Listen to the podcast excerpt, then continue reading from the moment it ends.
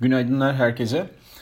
Ee, şimdi dün e, bir takım Fed yetkililerinden açıklamalar geldi. Ee, zannediyorum e, bundan sonraki süreçte önemli e, sürücü kuvvet, piyasalar için önemli sürücü kuvvet bu açıklamalar ve bunun gibi gelecek olan başka açıklamalar olacak. Çünkü biraz ağız değişikliği var. Ee, ilk açıklama Fed Başkan Yardımcısı Richard Clarida'dan geldi ve diyor ki e, zayıf istihdam verisi gösterdi ki Amerikan ekonomisi henüz tahvil alımlarını durdurmak için gerekli eşik değerden uzakta. Yani bu aslında e, taper tartışmalarına bir e, nokta demeyelim ama bir S vermiş, S koymuş olacak. Çünkü e, baktığımızda muhtemelen e, işte bundan sonraki toplantılarda en çok piyasanın e, şey yapacağı, dikkat kesileceği yerlerden bir tanesi bu taper hikayesi olacaktı. Ama e, zaten daha öncesinden de Fed'in her türlü konuşmacısının ısrarla enflasyonun geçici olacağını söylemesi fakat e, market kritik piyasada e, eleştiri yapanların, yorum yapanların ekseriyetle hepsinin Fed'in yanılacağını söylemesine rağmen şu anda veri setindeki bozulma tabi bir veriyle bunu garantileyemeyiz ama bir bozulma olduğu ortada ve buna karşılık da yeniden e, Fed başkanının başkan yardımcısının çıkıp buna yönelik bir değerlendirme yapması işlerin o kadar e, her şeyin bir lale bahçesi olmadığını gösteriyor bize.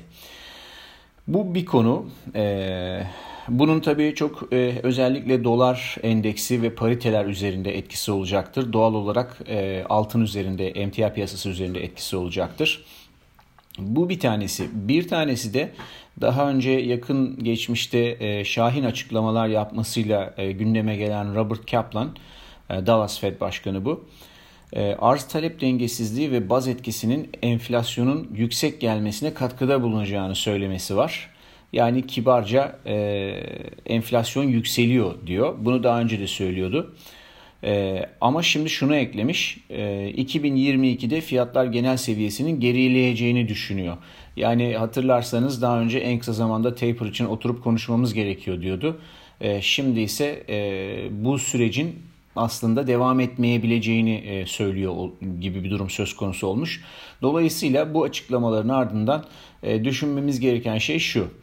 E, hala enflasyon var fakat kalıcı olmayacak diye düşünülüyor ve bunun karşılığında da tahvil piyasasına bir müdahale edilmeyecek. Peki madem dinamikler bu şekilde gelişiyor o zaman fiyatlamaların da şöyle olması lazım. Yükselen bir enflasyon ki enflasyon beklentisine baktığımızda yine en yüksek seviyelerinde seyrediyor. Ama Amerikan 10 yıllık getirileri hala e, onunla, onunla e, aşık atabilecek kadar hızlı yükselememiş durumda. Bu tam olarak tam da e, fon yöneticilerinin işte e, yüksek varlıklı e, yatırımcıların yani biraz daha sofistike e, yatırımcılık kesiminin diyeyim enflasyondan korunmak için başta altın, gümüş olmak üzere diğer emtiayı portföylerine katmak için e, aradığı bir ortam. Yani enflasyon yükseliyor, faiz yükselmiyor.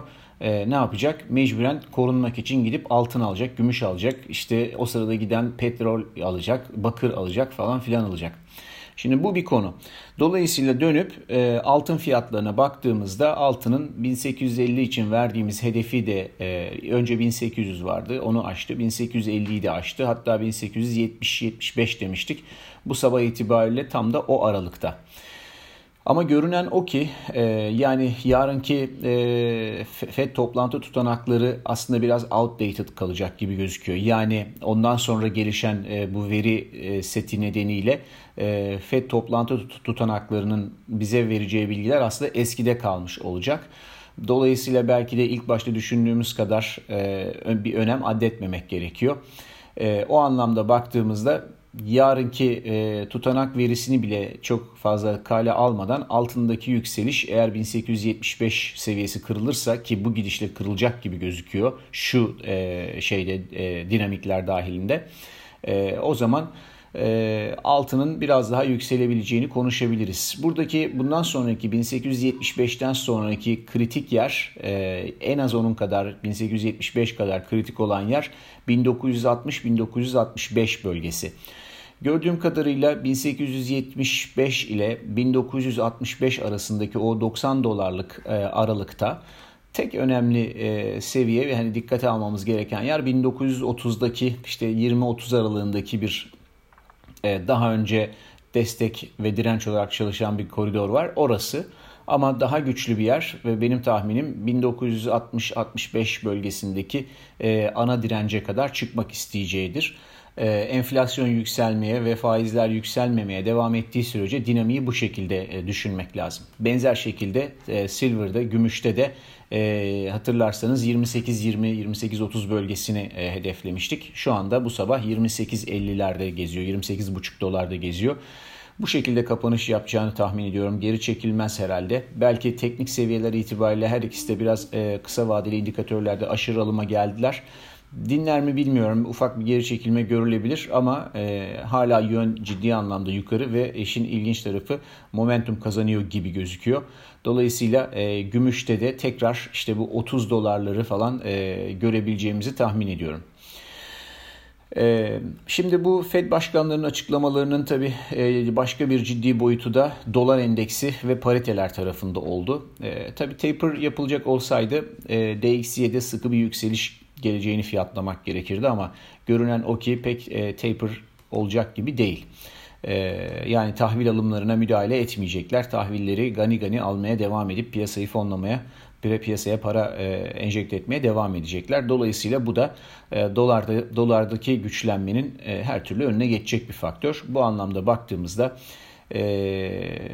Euro dolar tarafında 1.22-1.21 arasını koridorda e, dönüş gelir diye düşündüğümü söylemiştim daha önce ama bunu galiba revize etmek gerekecek. Hala bu koridorun içinde e, hala karar verebilmiş değil ama bu dinamiklerin etkisi fiyatlanmaya başladığında belki e, tutanaklar biraz daha etkili olabilir bilemiyorum onu. Ama e, burada şu anda her şeye rağmen yukarı bakan bir görünüm var. E, Euro'da hem teknik olarak hem de fundamental olarak haber akışı itibariyle baktığımızda paritenin daha da yükselmesi gerekiyor.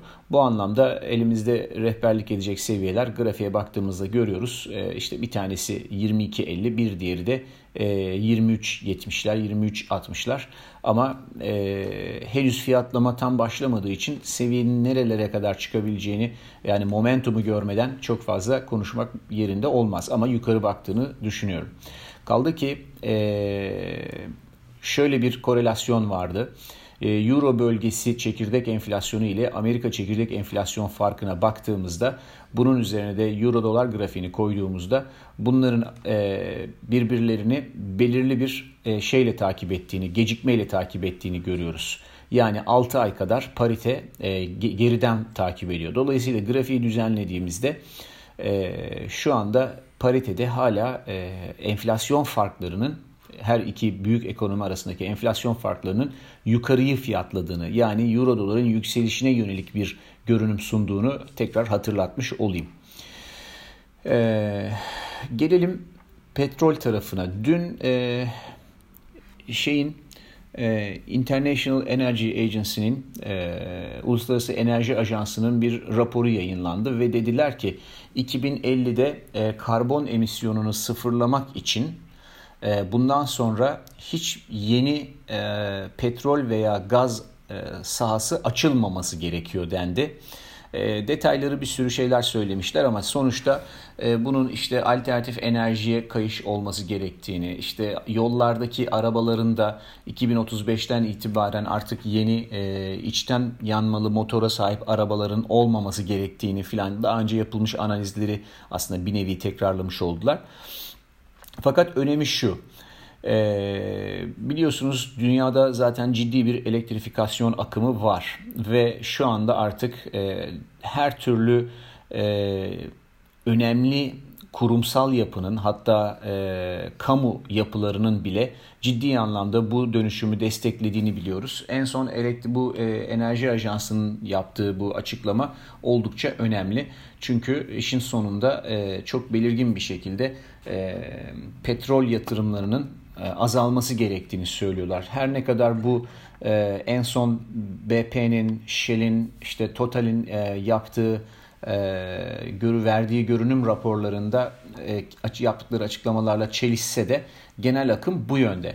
Bu da ne demek oluyor? Belki ilk etapta e, hani yatırım harcamaları olmazsa e, üretim azalır. Üretim azalacağı için ilk başta belki emtia fiyatına pozitif etki edebilir ama daha uzun vadede petrol fiyatının geri gelmesi beklenir. Ama bu tabii şu anda trade konu olacak bir şey değil. Trade konu olacak olan şey daha yakın vadede petrol fiyatlarının yükselecek olması.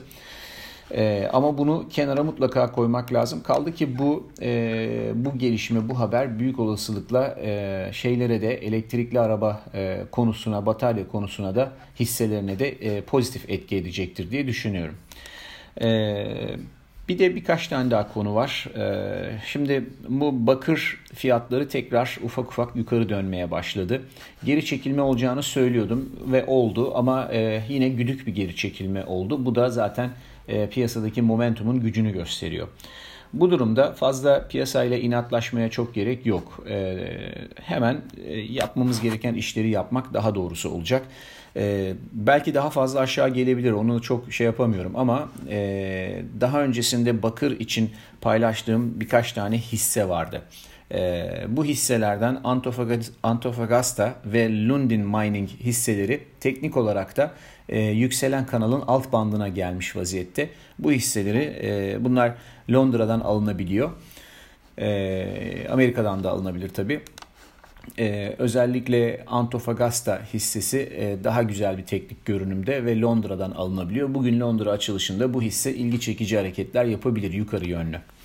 Bir de yine e, Iron Ore tarafında yani demir cevheri tarafında e, Bora'nın dediklerine katılıyorum. E, o Türk hisseleri için söylemişti. Ben de e, bunu yabancı hisseler açısından e, şöyle düşünüyorum. Fiyatlardaki geri çekilmeyi gördük. E, zaten parabolik yükselmişti. Bu geri çekilme de aslında benim beklediğime göre güdük kalmış bir geri çekilme. Yani hala aşağı yönlü e, e, fiyat hareketi potansiyeli var. Fakat yine de e, hisselerin e, geldiği seviyeler itibariyle e, portföylerde ufak ufak alokasyon bulmalarında fayda olduğunu düşünüyorum. Bu hisseleri bir kez daha hatırlatayım. Daha önce bahsetmiştim. E, demir e, sektörünün büyük beşlisi e, küresel piyasada Rio Tinto, Vale, BHP, Anglo American ve Fortescue hisseleri. Bunlardan e, uygun olanlarını e, yani hangisini beğeniyorsanız 3 aşağı 5 yukarı hepsi aynı diye düşünüyorum. E, portföylerde e, uzun dönemli portföylerde e, yer bulacağını tahmin ediyorum. E, bunun haricinde başka bir şey yok. Herkese iyi seanslar.